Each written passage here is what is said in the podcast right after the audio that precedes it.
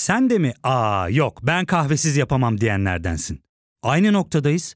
İlk ve tek kahve üyelik uygulaması Frink'le tanış. Hem bütçeni koru hem de hiç bitmeyen kahvenin tadını çıkar. Yakınlarından terapinin onlara ne kadar iyi geldiğini dinlesen de kendin için bir şeylere başlamak zor geliyor olabilir. Ya da sevdiklerine yardım etmeye istekliyken kendi ihtiyaçlarını görebilmek. Hayvel, uzman psikologlarıyla kendi ihtiyaçlarını bulmanda sana destek olacak. Terapi yolculuğuna başlamak için detaylı bilgi bölümün açıklamalarında. Herkese merhaba. Bu kaydı 9 Mayıs'ta alıyoruz. Seçime sadece 5 gün kaldı. Ve önceki gün yani 7 Mayıs'ta Ekrem İmamoğlu'nun Erzurum mitinginde yaşananlar gören gözlere önemli bir manzara sundu. Nefret kampanyasının ucu mu kaçtı yoksa planlı bir provokasyon mu yaşandı henüz belirsiz ama işaretlerini görüyoruz. İşin faili siyasi hareketler kimlerdi ve saldırının ardından gelen tepkiler nasıldı? Bunların hepsini konuşacağız ancak Trend Topi'yi uzun süredir takip eden dinleyicilerin bildiği iki duygu arasındaki ilişkiyi yeniden ele alacağız. O iki duygu nedir diye sorarsanız korku ve nefret. Bunların hepsi bu bölümde. Ben Ozan Gündoğdu, hazırsanız başlayalım.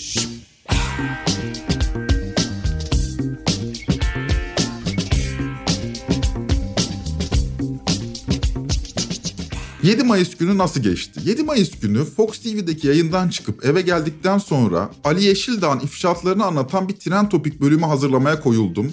Bir yandan da haber akışını takip ediyorum. Böyle saat öğleden sonra iki suları falan. Ekrem İmamoğlu'nun da o sıralarda Sivas'ta mitingi var. Oradan da Erzurum'a geçecek. İşte Kılıçdaroğlu'nun mitingleri, Akşener'in mitingleri falan var. Fakat Erzurum belli ki gerilmiş. Gerilimin konusu miting alanı. Şimdi Erzurum'daki miting meydanı yani diğer tüm partilerin toplandığı meydanın adı İstasyon Meydanı. Dolayısıyla CHP yetkilileri de miting için istasyon meydanı talep ediyor fakat daha sonra bu talep reddediliyor. Ve miting için şehrin dışındaki yaklaşık 200 bin kişilik yeni miting alanı gösteriliyor.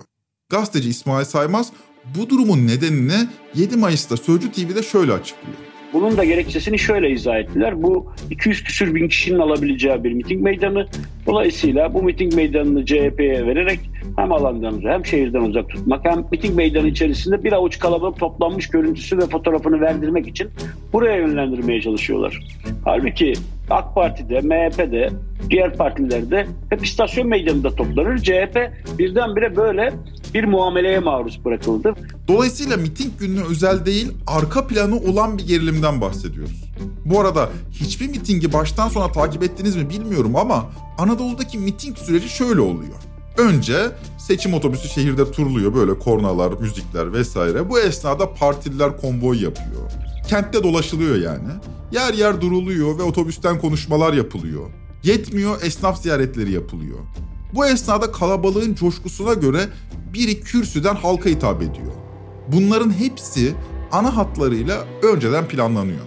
İmamoğlu'nun konuşma yapacağı yerlerden biri de Havuzbaşı Kent Meydanı. Yaklaşık 3-4 bin kişilik küçük bir meydan. Fakat İmamoğlu'nun Erzurum'a gelmesine saatler kala bu meydan Erzurum Belediyesi'ne ait otobüslerle doldurulmuş, miting alanı bu şekilde kapatılmış. Millet İttifakı'nın il başkanları da bu görüntü karşısında bir basın araması yapıyorlar. Ya burada bizim mitingimiz var diye. Açıklamayı takip eden sözcü muhabiri Orhan Bozkurt'tan dinleyelim.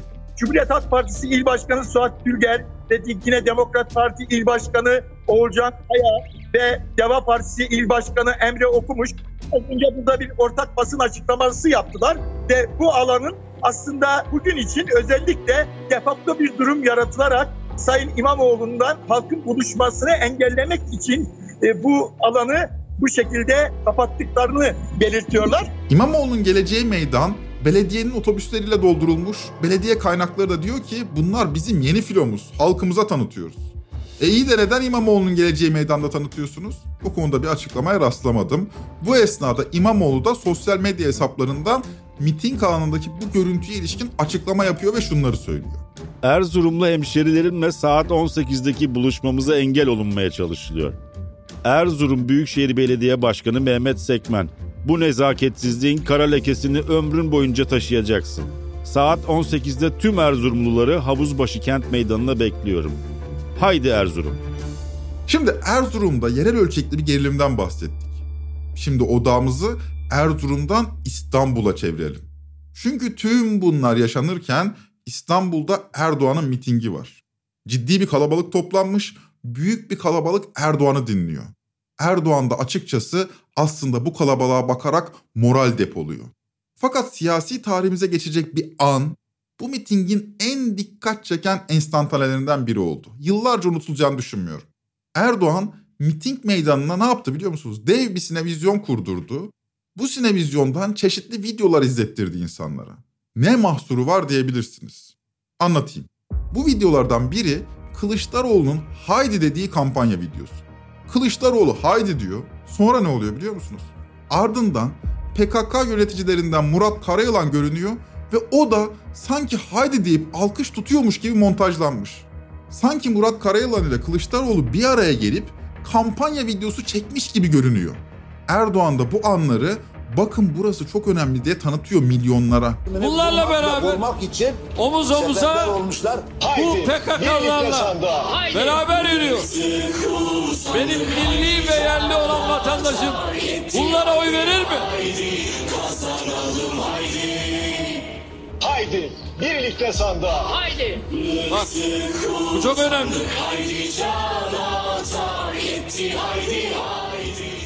Böylece Kılıçdaroğlu ve diğer başkanlar PKK yöneticileriyle yan yana servis ediliyor. Hep bir ağızdan haydi diyorlar. Peki nasıl yapılmış bu video? Teyit.org bunu araştırmış ve ilginç bir sonuca ulaşmış. Murat Karayılan'ın eski bir görüntüsü kesilmiş ve Kılıçdaroğlu'nun videosuna eklenmiş. Eski video Karayılan'ın 15 Ağustos mesajı için 2021'de çekilmiş. Diyebilirsiniz ki 15 Ağustos neyin nesi? 15 Ağustos PKK için önemli bir tarih.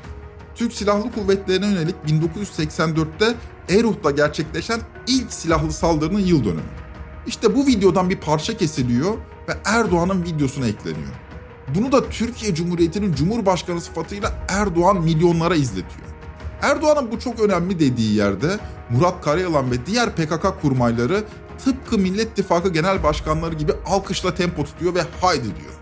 Kalabalıklar yuhalıyor. Kılıçdaroğlu'nu destekleyenler terör sevici hale geliyor. Bu esnada miting alanında yapılan röportajlar da Erdoğan mitinglerinin artık bir nefret seansına dönüştüğünü gösteriyor. Abi biz küffarın karşısında olanın yanındayız. Allah yar ve yardımcımız olsun. Biz gönül verdik Rabbim onlara ömür versin. Ya Allah! Aynı dakikalarda Erdoğan nefret seansında milyonları kışkırtıyor. Bayraksızlar, vatansızlar, dinsizler, hakaretler havada uçuşuyor. Bunların bayrağı var mı? Bunların ezanı var mı? Bunların dini var mı? Dini olmayan, diyaneti olmayan, bayrağı olmayan, ezanı olmayan kimler destekliyor Bay Bay Kemal'i? Bu teröristler. Öyle mi? Kalabalık kendinden geçiyor. Tekbirler havada uçuşuyor. Derken nefret seansına eşcinseller de meze ediliyor. CHP LGBT'ci mi? İyi Parti LGBT'ci mi? HADEP LGBT'ci mi? Yanındakiler LGBT'ci mi?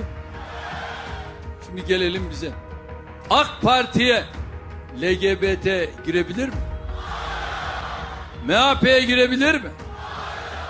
Cumhur İttifakı'nın diğer ortaklarına LGBT sızabilir mi? Çünkü bizde aile kurumu kutsal. Aile kurumumuza bu tür lekeyi sürdürmeyiz. Kalabalık iyice coşuyor. Kadınlar kocalarıyla, kocalar erkeklikleriyle gurur duyuyorlar. Eşcinsel olmamakla övünen kalabalıklara arzu nesneleri tanıtılmaya başlanıyor. Silahlar, TCG gemisi, TOG, köprüler, yollar, havalimanları. Türkiye, Kazakistan ile Pakistan'dan rengini alan, kendine özgü bir tür faşizmi deneyimliyor. Faşizme karşı direnen halk kesimleri ise bu düzenin kurumsallaşmaması için sandığı bekliyor. Şunun altını çizelim. Daha önce de söylemiştik. Faşizm aşağıdan yukarıya arzu edilir ve yukarıdan aşağı örgütlenir. Faşizmi arzu edecek bir halkı yaratmanın yolu halk kesimlerine korku pompalamaktır. Faşizmin üstüne yükseldiği faşizmin üzerine bina edildiği duygu korkudur. Zaten güvencesizleştirilmiş, yoksullaştırılmış, geleceksizleştirilmiş kitleleri korkutmak, onların zihnini manipüle etmek de kolaydır. Şartlar olgunlaştığında bu kitleler bir güvence arayışıyla faşist mekanizmaya yaslanırlar. Önce en yoksullar yanaşır faşizme. Kontrol ise para babalarındadır. Faşizm eşitsizlik kusan kapitalizmin halk kesimlerine zorla dayatılmasıdır. Öyle veya böyle. Sen işine gelen köprüden geç. O pahalı olandan geçme. Onu biz özel sektöre yaptırdık. Bu kaynakların çeşitlendirilmesidir. Grev, toplu sözleşme, sigorta, sendika bunlar emekçi sınıfların güvencesidir. Güvenceli emekçi ise korkmaz. Dolayısıyla faşizme payanda olmaz. Bu nedenle emekçilerin ellerindeki güvencelerin bir bir alınması gerekir. Olağanüstü hali biz iş dünyamız daha rahat çalışsın diye yapıyoruz. Soruyorum. İş dünyasında herhangi bir sıkıntınız, bir aksamanız var mı? Biz göreve geldiğimizde 15 sene önce Türkiye'de olağanüstü hal vardı. Ama bütün fabrikalar hep grev tehdidi altındaydı. Hatırlayın o günleri. Ama şimdi böyle bir şey var mı? Tam aksine. Şimdi grev tehdidi olan yere biz o halden istifadeyle anında müdahale ediyoruz. Güvencesi elinden alınan halk kesimleri gücün peşine sürüklenir. Güç onların hayatta kalmasının yegane yoludur.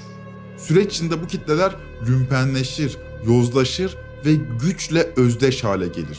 Ve bir süre sonra kendisi dışındaki halk kesimlerini bir canavar olarak görmeye başlar. Sonuna kadar reis. Neler yaptı? Bir 25 sene önce hatırlamazsınız siz. Benim eşim devlet hastanesinde çalışırken sigortada ben çocuğumu gösteriyordum. Birimiz bir kuyrukta birisi ve doktor beni azarladı. Hadi dedi yürü dedi git fakültede uğraş dedi. Böyle bir muamele görüyorduk. Şu an biz doktor dövüyoruz. Şu an doktorları beğenmiyoruz, doktor dövüyoruz. O rahatlığı. Güvencesizlik faşizmin pınarıdır. Fakat faşizmin çarkları neredeyse hiçbir zaman kendiliğinden işlemez. Şartları olgunlaştırmak bizzat devlet mekanizmasının sorumluluğundadır. Buna benzer dönemlerde siyaset yapan Bülent Ecevit, 1977'de Şiran'da yaşanan saldırının ardından başbakan sıfatıyla konuyu araştırıyor ve bir yere gelince tıkanıyor. Ve bu aşamada ilk kez bir şeyin varlığından bahsediyor Ecevit.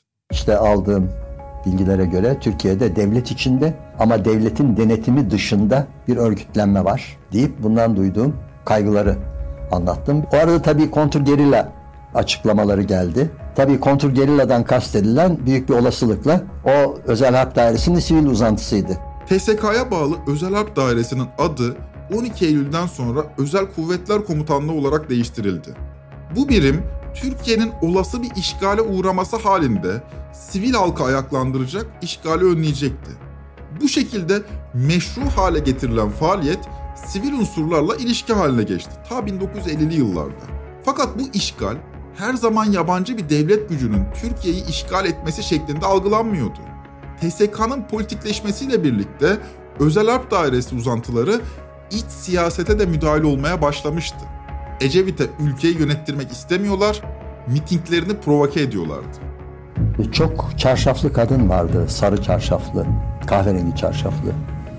Fakat hareketleri çok sertti. Bunlar nasıl kadınlar diye düşünüyordum. Bize taş atıyorlardı, saldırıda bulunuyorlardı. Sonradan öğrendik ki onlar ülkücü genç erkeklermiş. Fakat kendilerini kadın çarşafı altında gizlemişler. Ecevit'in başına bunların geldiği tarih Mayıs 1977'dir. Yani 1 Mayıs 77'de gerçekleşen katliamın ardından yaşanır tüm bunlar. 5 Haziran'da da seçimler yaşanacaktır. Fakat tıpkı bugün olduğu gibi saldırılar seçim atmosferini belirler. Tokat Niksar'da otobüsü kurşunlanır Ecevit'in. Sonra Şiran'da mitingi taşlanır. Oradan İzmir'e uçan Ecevit'e havalimanında suikast girişiminde bulunur. Seçime 10 gün kala öyle bir atmosfer yaratılır ki Ecevit'in mitingine katılmak cesaret isteyen bir işe dönüştürülür. Aynı değil ama benzer bir süreçten geçiyoruz ve bunların örgütsüz, organize edilmeden olduğunu düşünmek hatalı olur. Burada bölüme kısa bir ara verelim. Malumunuz bu şekilde finanse ediliyoruz. Aradan sonra Erzurum'a geri döneceğiz. Ya fark ettin mi? Biz en çok kahveye para harcıyoruz. Yok abi, bundan sonra günde bir. Aa sen Frink kullanmıyor musun? Nasıl yani? Yani kahvenden kısmına gerek yok. Frink'e üye olursan aylık sadece 1200 TL'ye istediğin çeşit kahveyi istediğin kadar içebilirsin. Günlük 40 TL'ye sınırsız kahve mi yani? Çok iyiymiş. Aynen. Hatta şu anda 200 TL'lik bir indirim kodu da var. E hadi hemen indirip üye ol da bu fırsatı kaçırma. Terapiye başlamak, içinden çıkamadığın döngüleri kırmak, bazı yanlış bulduğun kararlarını değiştirmek ve kendinle beraber daha huzurlu bir yaşam inşa etmek için atabileceğin en değerli adımlardan biri. Hayvel ile yoğun yaşam tempona uyum sağlayarak online terapi seanslarını takvimine göre ayarlayabilirsin. Bini aşkın uzmandan sana en uygun terapisti seçebilir, PodB10 koduyla indirimden yararlanabilirsin. Detaylı bilgi açıklamalardaki bağlantıda. Şimdi odağımızı yeniden Erzurum'a çevirelim. Miting saati yaklaşıyor. Miting başlamadan önce Erzurum Ülke Ocakları binasına dev bir pankart asılıyor. Pankartta şunlar yazıyor. Her gittiği yerde Selahattin Demirtaş'a özgürlük isteyen Ekrem. Erzurum'da da istesene. Yanlış yerdesin Ekrem. Bu pankart sosyal medyadan da paylaşılıyor. Bu esnada ilginç bir şey yaşanıyor. İmamoğlu miting alanına geliyor ancak ona sadece bir trafik polisi eşlik ediyor. Miting alanının karşısındaki havuz çevresinde de Erdoğancılar toplanıyor. Erdoğancılar deyince sadece AKP'leri düşünmeyin. MHP filamalı birçok kişi. İmamoğlu'nun otobüsün önünde de 1000-2000 kadar İmamoğlu taraftarı var. İmamoğlu otobüsün üzerine çıkınca terörist Ekrem tezahüratları başlıyor. Derken taş yağmuru. Erzurum her şey! Her şey! Göreceksiniz. Bu insanlara polisler hala takip ediyorsunuz. Bak seyrediyorsunuz. Polisler 200 kişiyi seyrediyorsunuz polisler. Emniyet müdürü vali belediye başkanı hakkınızda suç duyurusunda bulunacağız. Bakın sizin sizin zarar görmemeniz için. Hayır hayır cevap vermeyin sevgili gençler. Hayır sevgili gençler.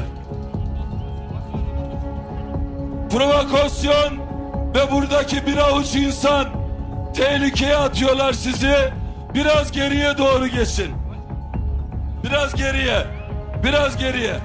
Taş yağmuru esnasında bir taş İmamoğlu'nun korumasına gelince İmamoğlu'nu alelacele otobüsün içine indiriyorlar. Bu esnada otobüsün camları da patlamış. Şoför panikle otobüsün gazına basıyor ama bu sefer de taş yağmuru ile İmamoğlu taraftarları baş başa kalıyor. Durumu fark eden İmamoğlu otobüsü durduruyor ve dışarıya şu konuşmayı yapıyor. Polis, emniyet müdürü, vali, biz bu güvenliği sağlayana kadar burada duracağız. Vatandaşın güvenliğini sağlayana kadar burada duracağız. Bir yere gitmiyoruz. Sizler, sizler burada provoke edilmiş. Kadınların başına elinde Türk bayrağı olan insanlara taş attırıyorsunuz. Bunun ardından iki adet Toma yol açıyor ve İmamoğlu'nun Erzurum'u terk etmesi sağlanıyor. Takip edemeyenler için söyleyeyim, bu olay sosyal medyada ciddi bir infiale neden oldu. Saatler boyunca AKP'li yetkililerden açıklama bekledik ama gelmedi. Bu esnada AKP'lilerin bir kısmının yazdıkları tweetleri sildiği birkaç saat yaşadık. Ne diyeceklerini bilmiyorlardı. Mesela AKP MKYK üyesi Emre Cevil Ayvalı biz bu ülkeyi sokakta bulmadık. Demokrasilerde terör yandaşları vatandaşlarla eşit muamele görmezler dediği ve 10 dakika içinde sildi. Silinmeyenler de var tabii. Mesela Yeni Şafak yazarı Ömer Lekesiz Erzurum'da şeytan taşlamışlar diye tweet attı. Henüz silmedi. Ülke Ocakları Genel Başkan Yardımcısı Burak Kılıç, çakallara haddini bildiren tüm vatandaşlarımıza bin selam diye tweet attı ve henüz silmedi. Gözler İçişleri Bakanı Süleyman Soylu'ya çevrilmişti. Soylu, akşam Ülke TV'ye bağlanarak Erzurum olaylarına ilişkin açıklama yaptı. Açıklamasına İmamoğlu'nun terör seviciliği imasıyla başladı.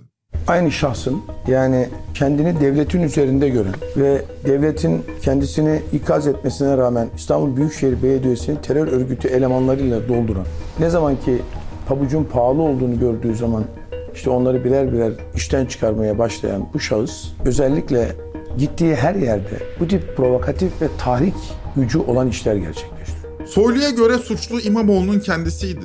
Polis son derece doğru yerde duruyordu. Yapılması gereken her şeyi yapmışlardı. Hiçbir emniyet yetkilisinin suçu yoktu. Vali de görevini yapmıştı. Zaten yaralanan da yoktu. Hepsi tiyatroydu. Halbuki çocuklar ve kadınlar da dahil olmak üzere çok sayıda yaralı vardı. Fotoğraflar korkunç. Tek bir işi vardı Soylu'nun. İtidal çağrısı yapmak ve yaralılara geçmiş olsun dilemek.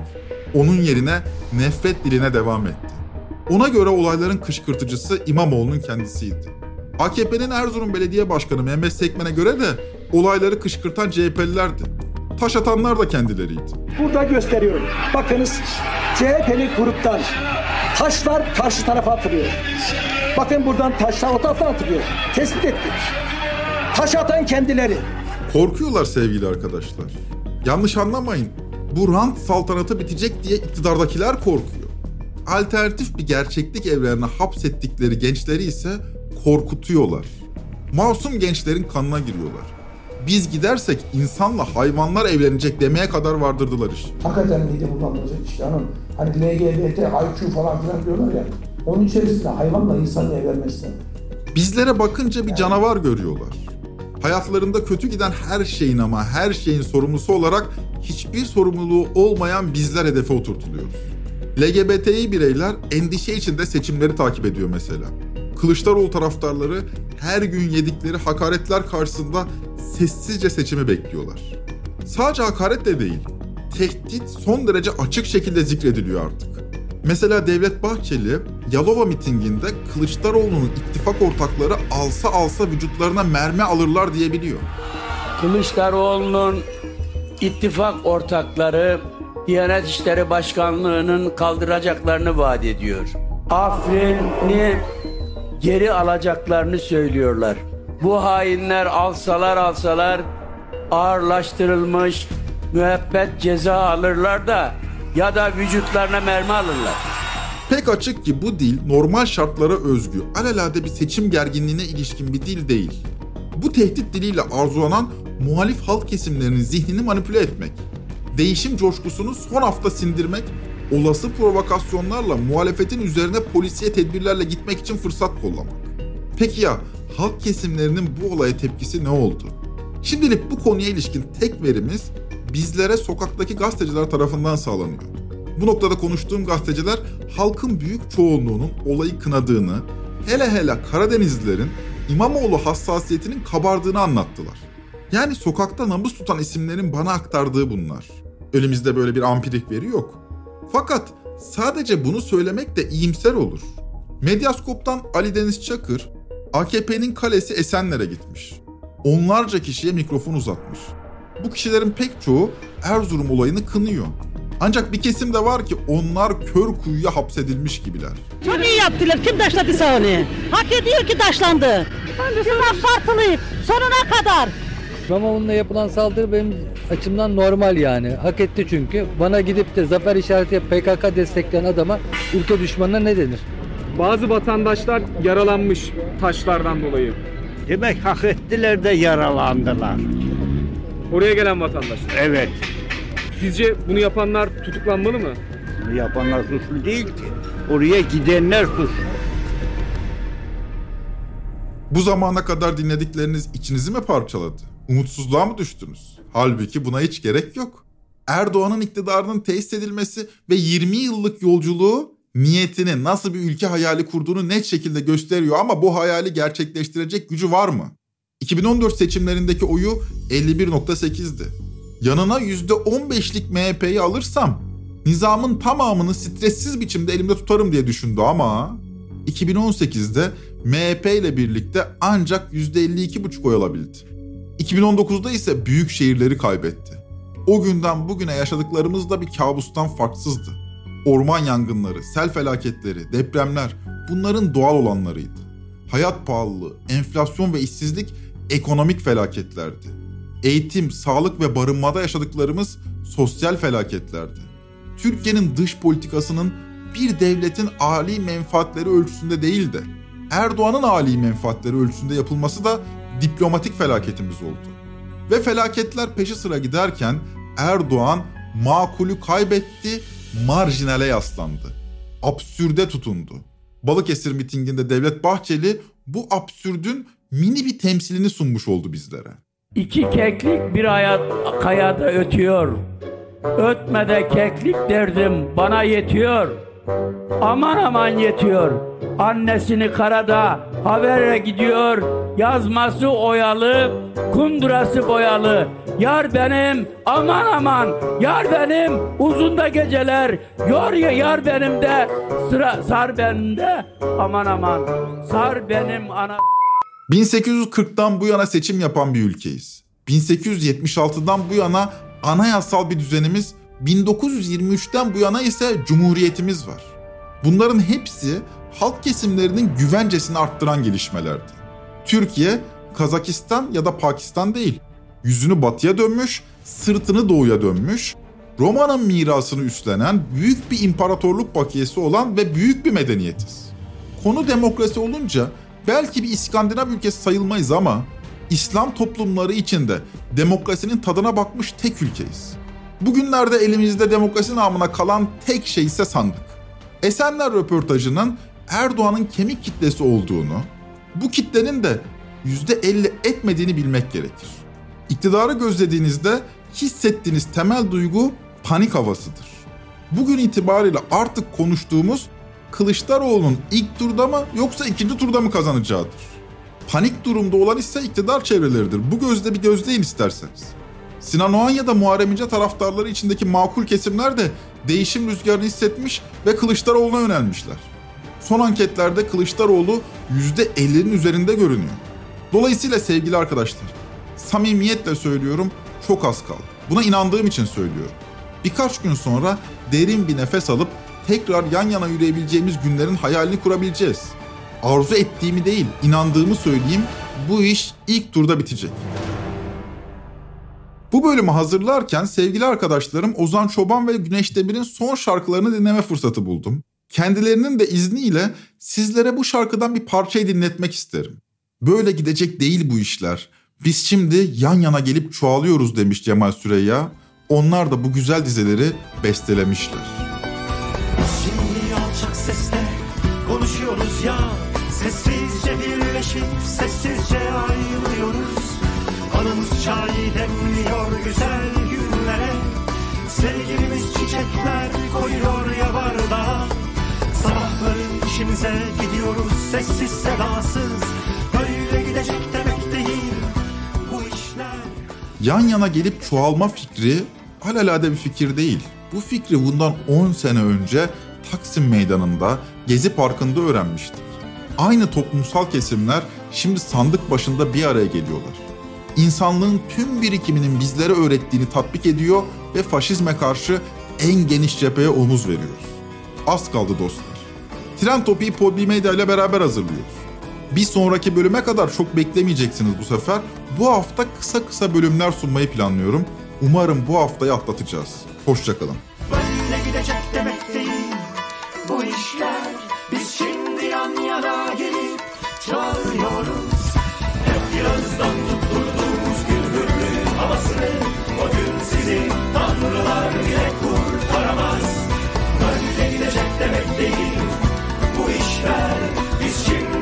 yana Hep birazdan tutturduğumuz güldürlü havasını O gün sizi tanrılar bile kurtaramaz Böyle gidecek demek değil bu işler Biz şimdi yan yana gelip çoğalıyoruz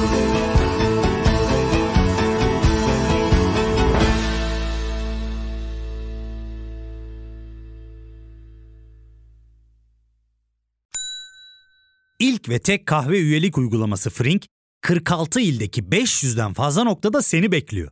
Açıklamadaki kodu girerek sana özel 200 TL'lik indirimden faydalanmayı unutma. Hadi sen de Frink üyeliğini başlat, kahven hiç bitmesin. Hem bugününe hem yarınına katacaklarıyla terapi yolculuğuna ve daha iyi hissetmeye bugün Hayvel ile başla. Açıklamadaki linkten Hayvel'i indir, ücretsiz tanışma görüşmelerinin ardından bütçene uygun seans paketini seç ve terapi yolculuğuna başla.